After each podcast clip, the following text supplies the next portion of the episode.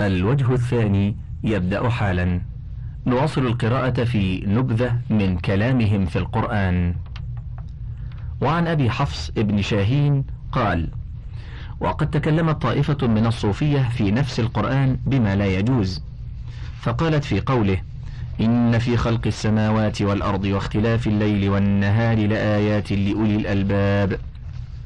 آل عمران التسعون والمئة. فقال هم لآيات لي فأضافوا إلى الله تعالى ما جعله لأولي الألباب. حاشية. إن فيما خلقته من السماوات والأرض وفيما أنشأته لأقواتكم وأرزاقكم وفيما جعلته من تعاقب الليل والنهار لمعتبر ومذكر وعظات لمن كان ذا لب وعقل. انتهى. وهذا تبديل للقرآن. وقالوا ولسليمان الريح. قالوا ولي سليمان. الأنبياء الحادية والثمانون. حاشية. أي وسخرنا لسليمان الريح شديدة الهبوب. انتهى. قال أبو حمزة الخراساني قد يقطع بأقوام في الجنة فيقال كلوا واشربوا هنيئا بما أسلفتم في الأيام الخالية. فشغلهم عنه بالأكل والشرب. ولا مكر فوق هذا ولا حسرة أعظم منه. حاشية. كلوا معشر أهل الجنة واشربوا من طيب أشربتها هنيئا. لا تتأذون بالطعام والشراب. فذلك جزاء وثواب ما قدمتم لآخرتكم من العمل بطاعة الله في الدنيا الماضية التي خلت أيامها ومضت. مختصر تفسير الطبري. انتهى. قال المصنف رحمه الله انظروا وفقكم الله إلى هذه الحماقة وتسمية المنعم به مكرا وإضافة المكر بهذا إلى الله سبحانه وتعالى. وعلى مقتضى قول هذا إن الأنبياء لا يأكلون ولا يشربون بل يكونون مشغولين بالله عز وجل. فما أجرأ هذا القائل على مثل هذه الألفاظ القباح؟ وهل يجوز أن يوصف الله عز وجل بالمكر على ما نعقله من معنى المكر؟ وإنما معنى مكره وخداعه أنه مجازي الماكرين والخادعين. وإني لأتعجب من هؤلاء وقد كانوا يتورعون من اللقمة والكلمة كيف انبسطوا في تفسير القرآن إلى ما هذا حده. عن جندب قال قال رسول الله صلى الله عليه وسلم من قال في القرآن برأيه فقد أخطأ حاشية ضعيف الترمذي في التفسير باب ما جاء في الذي يفسر القرآن برأيه برقم 52 و900 بعد الألفين. وأبو داود في العلم باب الكلام في كتاب الله بغير علم برقم 52 و600 بعد ثلاثة الآلاف. والتبريزي في المشكاة برقم 35 و200 وضعيف الجامع للألباني برقم 48 و700 بعد خمسة الآلاف وانتهت الحاشية. وعن ابن عباس رضي الله عنهما قال قال رسول الله صلى الله عليه وسلم من قال في القرآن برأيه فليتبوأ مقعده من النار. حاشية. ضعيف. الترمذي في التفسير باب ما جاء في الذي يفسر القرآن إلى آخره برقم واحد وخمسين وتسعمائة بعد الألفين. أحمد في المسند الجزء الأول الصفحة التاسعة والستون بعد المئتين والصفحة الثالثة والتسعون بعد المئتين الثالثة والعشرون بعد الثلاثمائة السابعة والعشرون بعد الثلاثمائة. وضعيف الجامع برقم أربعة عشر ومئة والسلسلة الضعيفة برقم ثلاثة وثمانين وسبعمائة بعد الألف. انتهى. قال المصنف رحمه الله وقد رويت لنا حكاية عن بعضهم فيما يتعلق بالمكر إني لأقشعر من ذكرها لكني أنبه بذكرها على قبح ما يتخايله هؤلاء الجهلة. عن رويم قال اجتمع ليلة بالشام جماعة من المشايخ فقالوا ما شهدنا مثل هذه الليلة وطيبها فتعالوا نتذاكر مسألة لئلا تذهب ليلتنا. فقالوا نتكلم في المحبة فإنها عمدة القوم. فتكلم كل واحد من حيث هو. وكان في القوم عمرو بن عثمان المكي فوقع عليه القول ولم يكن من عادته. فقام وخرج إلى صحن الدار. فإذا ليلة مقمرة فوجد قطعة رق مكتوب فأخذه وحمله إليهم. حاشية الرق جلد رقيق يكتب عليه. انتهى. وقال يا قوم اسكنوا فإن هذا جوابكم. انظروا ما في هذه الرسالة فإذا فيها مكتوب مكار مكار وكلكم تدعون حبه وأحرم البعض وافترقوا فما جمعهم إلا الموسم. قال المصنف رحمه الله قلت هذه بعيدة الصحة وابن خفيف لا يوثق به وإن صحت فإن شيطانا ألقى ذلك الرق وإن كانوا قد ظنوا أنها رسالة من الله بظنونهم الفاسدة. وقد بينا أن معنى المكر منه المجازات على المكر. فأما أن يقال عنه مكار ففوق الجهل وفوق الحماقة. وعن رويم قال إن الله غيب أشياء في أشياء غيب مكره في علمه وغيب خداعه في لطفه وغيب عقوباته في باب كراماته. قلت وهذا تخليط من ذلك الجنس وجرأة. وقال الحسن بن علويه خرج أبو يزيد لزيارة أخ له فلما وصل إلى نهر جيحون التقى له حافة النهر. فقال سيدي إيش هذا المكر الخفي؟ وعزتك ما, ما عبدتك لهذا. ثم رجع ولم يعبر.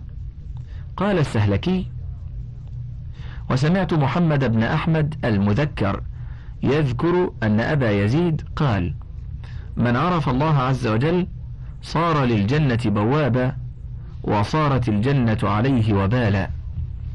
قلت وهذه جرأة عظيمة في إضافة المكر إلى الله عز وجل وجعل الجنة التي هي نهاية المطالب وبالا. وإذا كانت وبالا للعارفين فكيف تكون لغيرهم؟ وكل هذا منبعه من قلة العلم وسوء الفهم. عن طيفور وهو أبو يزيد قال العارفون في زيارة الله تعالى في الآخرة على طبقتين.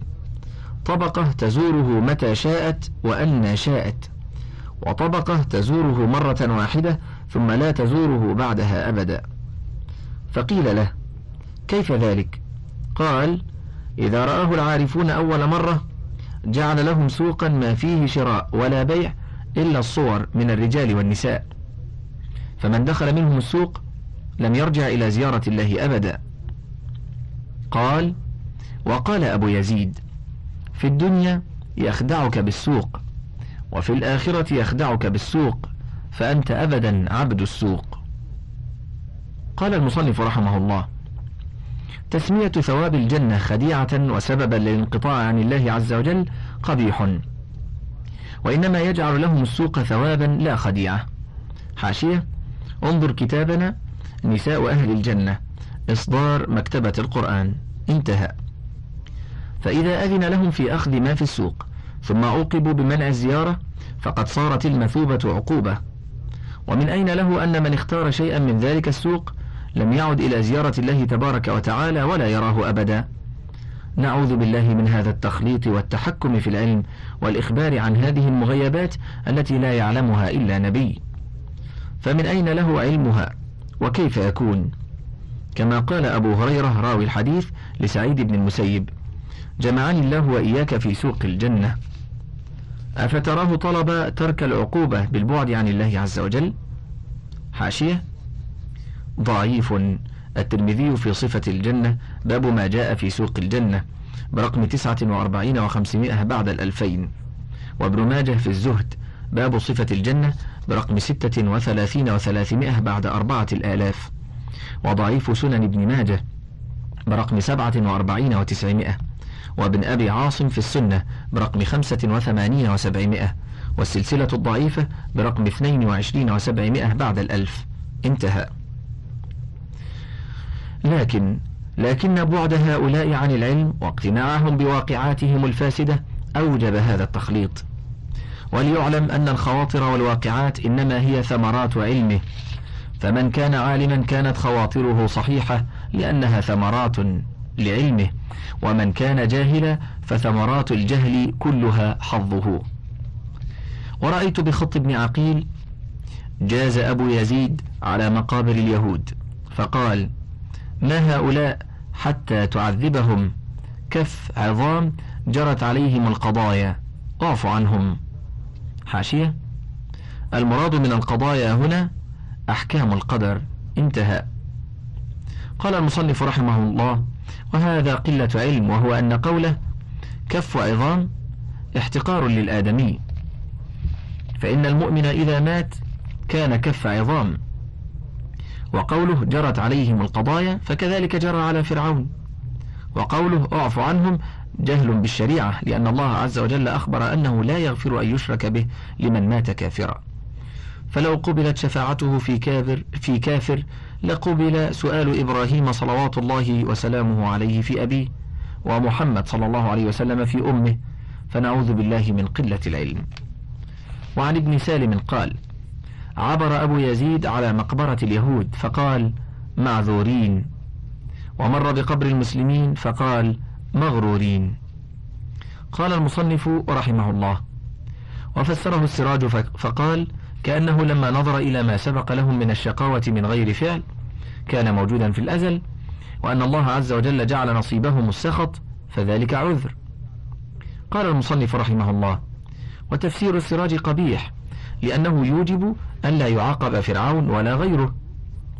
ومن كلامهم في الحديث وغيره ما رواه عبد الله بن أحمد بن حنبل قال جاء أبو تراب النخشبي إلى أبي فجعل أبي يقول فلان ضعيف وفلان ثقة. فقال أبو تراب يا شيخ لا تغتب العلماء. فالتفت أبي إليه وقال له ويحك هذه نصيحة ليست هذه غيبة. حاشية؟ التقييد والإيضاح. شرح مقدمة ابن الصلاح للزين العراقي برقم أربعين وأربعمائة. انتهى. وعن محمد بن الفضل العباسي قال كنا عند عبد الرحمن بن أبي حاتم وهو يقرأ علينا كتاب الجرح والتعديل. فقال أظهر أحوال أهل العلم من كان منهم ثقة أو غير ثقة. فقال له يوسف بن الحسين استحييت إليك يا أبا محمد. كم من هؤلاء القوم قد حطوا رواحلهم في الجنة منذ مئة سنة أو مئتي سنة وأنت تذكرهم وتغتابهم على أديم الأرض. فبكى عبد الرحمن وقال يا أبا يعقوب لو سمعت هذه الكلمة قبل تصنيف هذا الكتاب لم أصنفه. قلت عفى الله عن ابن أبي حاتم فإنه لو كان فقيها لرد عليه كما رد الإمام أحمد على أبي تراب. حاشية. الكفاية في علم الرواية للخطيب البغدادي الصفحة الثانية والثمانون والثالثة والثمانون. ووردت مختصرة في التقييد في الصفحة الحادية والأربعين بعد الأربعمائة. انتهى. ولولا الجرح والتعديل من أين كان يعرف الصحيح من الباطل؟ ثم كون القوم في الجنة لا يمنع أن نذكرهم بما فيهم وتسمية ذلك غيبة حديث سوء. ثم من لا يدري الجرح والتعديل؟ كيف هو يزكي كلامه؟ ثم كون القوم في الجنة لا يمنع أن نذكرهم بما فيهم وتسمية ذلك غيبة حديث سوء. ثم من لا يدري الجرح والتعديل كيف هو يزكي كلامه؟ وينبغي ليوسف أن يشتغل بالعجائب التي تحكى عن مثل هذا. عن أبي العباس بن عطاء قال من عرف الله أمسك عن رفع حوائجه إليه لما علم أنه العالم بأحواله. قلت هذا سد لباب السؤال والدعاء وهو جهل بالعلم. وعن الشبلي وقد سأله شاب يا أبا بكر لم تقول الله ولا تقول لا إله إلا الله؟ فقال الشبلي أستحي أن أوجه إثباتا بعد نفي. فقال الشاب أريد حجة أقوى من هذا. فقال أخشى أني أؤخذ في كلمة الوجود ولا أصل إلى كلمة الإقرار. قال المصنف رحمه الله انظروا إلى هذا العلم الدقيق. فإن رسول الله صلى الله عليه وسلم كان يأمر بقول لا إله إلا الله ويحث عليها. وفي الصحيحين عنه أنه كان يقول في كل دبر صلاة لا إله إلا الله وحده لا شريك له. وكان يقول إذا قام لصلاة الليل لا إله إلا أنت. حاشية. الحديث الأول صحيح رواه مسلم في المساجد. رواه مسلم في المساجد. باب استحباب الذكر. الصفحة التاسعة والثلاثون والمئة والأربعون والمئة. والثاني حديث صحيح البخاري في التهجد باب التهجد بالليل الجزء الثالث الصفحة الخامسة وفي مواضع أخرى متعددة. انتهى. وذكر الثواب العظيم لمن يقول لا إله إلا الله. حاشية. صحيح. مسلم في المساجد. باب استحباب الذكر. في الصفحة السادسة والأربعين بعد المئة وانتهت الحاشية. فانظروا إلى هذا التعاطي على الشريعة واختيار ما لم يختره رسول الله صلى الله عليه وسلم. وعن عبد الله بن علي السراج قال بلغني أن أبا الحسن النوري شهدوا عليه أنه سمع آذان المؤذن فقال طعنه سم الموت. وسمع نباح كلب فقال لبيك وسعديك. فقيل له في ذلك فقال إن الرجل المؤذن أغار عليه أن يذكر الله وهو غافل ويأخذ عليه الأجرة ولولاها ما أذن. فلذلك قلت طعنه سم الموت. والكلب يذكر الله عز وجل بلا رياء فإنه قد قال وإن من شيء إلا يسبح بحمده. الإسراء الرابعة والأربعون. قال المصنف رحمه الله انظروا إخواني عصمنا الله وإياكم من الزلل إلى هذا الفقه الدقيق والاستنباط الطريف. وعن النوري أنه رأى رجلا قابضا على لحية نفسه قال فقلت له نحي يدك عن لحية الله. فرفع ذلك إلى الخليفة فطلبت وأخذت فلما دخلت عليه قال بلغني أنه نبح كلب فقلت لبيك ونادى المؤذن فقلت طعنه قال نعم قال الله عز وجل وإن من شيء إلا يسبح بحمده فقلت لبيك لأنه ذكر الله. فأما المؤذن فإنه يذكر الله وهو متلوث بالمعاصي غافل عن الله تعالى. قال وقولك للرجل نح يدك عن لحية الله. قلت نعم. أليس العبد لله ولحيته لله وكل ما في الدنيا والآخرة لله؟ قلت عدم العلم أوقع هؤلاء في هذا التخبيط وما الذي أحوجه إلى أن يوهم أن صفة الملك صفة الذات. وعن الشبلي وقد سئل عن المعرفة قال ويحك. ما عرف الله من قال الله. والله لو عرفوه ما قالوه. وعن أبي القاسم أحمد بن يوسف البراداني قال سمعت الشبلي يقول يوما لرجل يسأله ما اسمك؟ قال آدم. قال ويلك. أتدري ما صنع آدم؟ باع ربه بلقمة. ثم كان يقول سبحان من عذرني بالسوداء. حاشية. السوداء مرض عقلي يطلق عليه الماليخوليا. انتهى. قال ابن باكويه وسمعت بكران ابن أحمد الجيلي يقول كان للشبلي جليس فأعلمه أنه يريد التوبة. فقال بع مالك واقضي دينك وطلق امرأتك. ففعل. فقال أيتم أولادك بأن تؤيسهم من التعلق بك. فقال قد فعلت. فجاء بكسر قد جمعها. فقال اطرحها بين يدي الفقراء وكل معهم. وعن أبي الحسن الحرفاني قال لا إله إلا الله من داخل القلب محمد رسول الله من القرط. حاشية. القرط ما يعلق في شحمة الأذن من ذهب أو فضة أو نحوها والجمع أقراط وقراط وقروط وقرطة. انتهى. وعن أحمد بن محمد الحلفاوي قال رأى الشبلي في الحمام غلاما شابا بلا مئزر. فقال له يا غلام ألا تغطي عورتك؟ فقال له اسكت يا بطال إن كنت على الحق فلا تشهد إلا الحق. وإن كنت على الباطل فلا تشهد إلا الباطل لأن الحق مشتغل بالحق والباطل مشتغل بالباطل. وعن أبي القاسم عبد الرحيم بن جعفر السيرافي الفقيه قال حضرت بشيراز عند قاضيها أبي سعيد بشر بن الحسن الداودي وقد ارتفع إليه صوفي وصوفية. قال وأمر الصوفية هناك مفرط جدا حتى يقال إن عددهم ألوف فاستعدت الصوفية على زوجها إلى القاضي فلما حضر قالت له أيها القاضي إن هذا زوجي ويريد أن يطلقني وليس له ذلك فإن رأيت أن تمنعه. قال فأخذ القاضي أبو سعيد يتعجب وحنق على مذاهب الصوفية ثم قال لها وكيف ليس له ذلك؟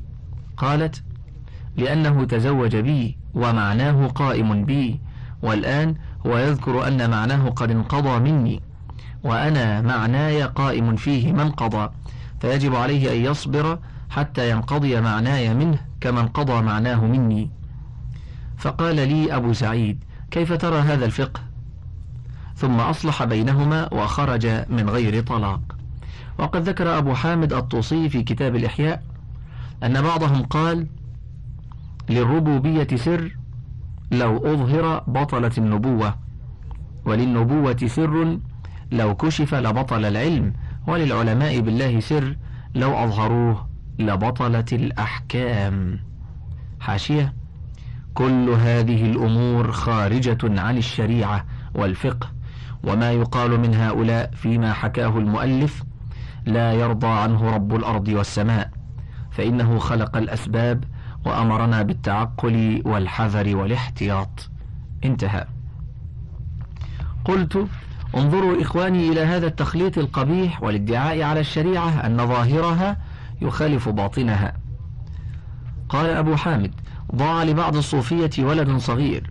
فقيل له لو سألت الله أن يرده عليك فقال اعتراضي عليه فيما يقضي أشد علي من ذهاب ولدي. قلت لقد طال تعجبي من أبي حامد. كيف يحكي هذه الأشياء في معرض الاستحسان والرضا عن قائلها؟ وهو يدري أن الدعاء والسؤال ليس باعتراض. وقال أحمد الغزالي دخل يهودي إلى أبي سعيد بن أبي الخير الصوفي فقال له أريد أن أسلم على يديك. فقال لا ترد. فاجتمع الناس وقالوا يا شيخ تمنعه من الإسلام؟ فقال له تريد بلا بد؟ قال نعم. قال له برئت من نفسك ومالك؟ قال نعم. قال هذا الإسلام عندي. احملوه الآن إلى الشيخ أبي حامد يعلمه. لا لا المنافقين. يعني لا إله إلا الله. قلت وهذا الكلام أظهر عيبا من أن يعاب فإنه في غاية القبح. ومما يقارب هذه الحكاية في دفع من أراد الإسلام ما روي عن أبي علي الحسين بن محمد بن أحمد الماء يحكي عن جده وغيره من أهل بيته قال كان الحسن والحسين ابن عيسى بن ماسرجسي أخوين يركبان فيتحير الناس من حسنهما وزيهما فاتفقا على أن يسلما فقصد حفص بن عبد الرحمن ليسلم على يده. حاشية حفص بن عبد الرحمن بن عمر أبو عمر البلخي الفقيه النيسابوري قاضيها صدوق عابد رمي بالإرجاء.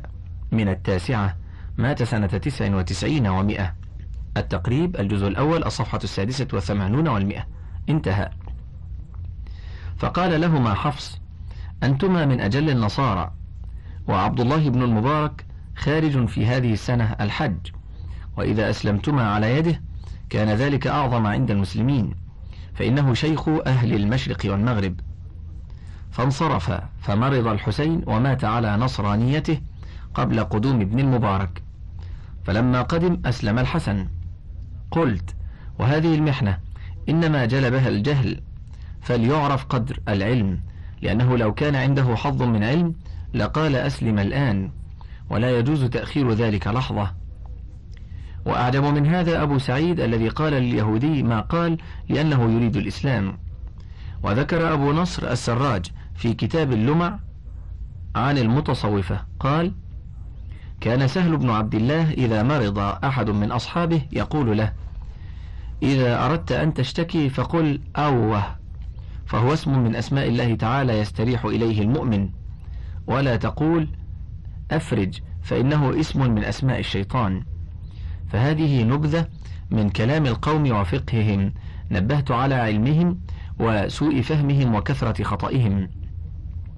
وعن محمد بن محمد بن إدريس الشافعي قال سمعت أبي يقول صحبت الصوفية عشر سنين ما استفدت منهم إلا هذين الحرفين. الوقت سيف وأفضل العصمة ألا تقدر. ذكر تلبيس إبليس في الشطح والدعاوى. قال المصنف رحمه الله اعلم أن العلم يورث الخوف واحتقار النفس وطول الصمت. وإذا اعتبرت علماء السلف رأيت الخوف غالبا عليهم والدعاوى بعيدة عنهم. كما قال أبو بكر ليتني كنت شعرة في صدر مؤمن وقال عمر عند موته الويل لعمر إن لم يغفر له وقال ابن مسعود ليتني إذا مت لا أبعث. وقالت عائشة رضي الله عنها ليتني كنت نسيا منسيا. وقال سفيان الثوري لحماد بن سلمة عند الموت ترجو أن يغفر لمثلي؟ قال المصنف رحمه الله وإنما صدر مثل هذا عن هؤلاء السادة لقوة علمهم بالله وقوة العلم وقوة العلم به تورث الخوف والخشية. قال الله عز وجل إنما يخشى الله من عباده العلماء. فاطر الثامنة والعشرون. وقال صلى الله عليه وسلم أنا أعرفكم بالله وأشدكم له خشية. ولما ولما بعد عن العلم أقوام من الصوفية لاحظوا أعمالهم واتفق لبعضهم من اللطف ما يشبه الكرامات فانبسطوا بالدعاوى. حاشية. حديث أنا أعرفكم بالله وأشدكم له خشية سبق تخريجه. انتهى. عن أبي موسى الدئيلي قال سمعت أبا يزيد البسطامي يقول وددت أن قد قامت القيامة حتى أنصب خيمتي على جهنم. فسأله رجل ولم ذاك يا أبا يزيد؟ فقال إني أعلم أن جهنم إذا رأتني تخمد فأكون رحمة للخلق. وعن أبي موسى الشبلي أيضا قال سمعت أبا يزيد يقول إذا كان يوم القيامة وأدخل أهل الجنة الجنة وأهل النار النار فأسأله أن يدخلني النار. فقيل له لما؟ قال حتى تعلم الخلائق أن بره ولطفه معا في النار مع أوليائه. قال المصنف رحمه الله هذا الكلام من أقبح الأقوال لأنه يتضمن تحقير ما عظم الله عز وجل أمره من النار. فإنه عز وجل بالغ في وصفها فقال فاتقوا النار التي وقودها الناس والحجارة. البقرة الرابعة والعشرون. وقال إذا رأتهم من مكان بعيد سمعوا لها تغيظا وزفيرا. الفرقان الثانية عشرة. إلى غير ذلك من الآيات. وعن أبي هريرة قال قال رسول الله صلى الله عليه وسلم إن ناركم هذه ما يوقد بنو آدم جزء من سبعين جزءا من حر جهنم. قال له الصحابة والله إن كانت لكافية يا رسول الله. قال فإنها فضلت عليها بتسعة وتسعين جزءا كلهن مثل حرها. حاشية صحيح. البخاري في بدء الخلق باب صفة النار وأنها مخلوقة. الجزء السادس الصفحة الحادية والثمانون والثلاثمائة. ومسلم في الجنة وصفة نعيمها باب في شدة حر نار جهنم. برقم ثلاثين انتهت الحاشية. أخرجاه في الصحيحين. وفي أفراد مسلم من حديث ابن مسعود عن النبي صلى الله عليه وسلم أنه قال يؤتى بجهنم يومئذ لها سبعون ألف زمام مع كل زمام سبعون ألف ملك يجرونها. حاشية صحيح. مسلم في الجنة وصفة نعيمها. باب في شدة حر نار جهنم. برقم تسعة وعشرين وانتهت الحاشية. انتهى الشريط الرابع والعشرون من كتاب تلبيس إبليس وللكتاب بقية على الشريط التالي.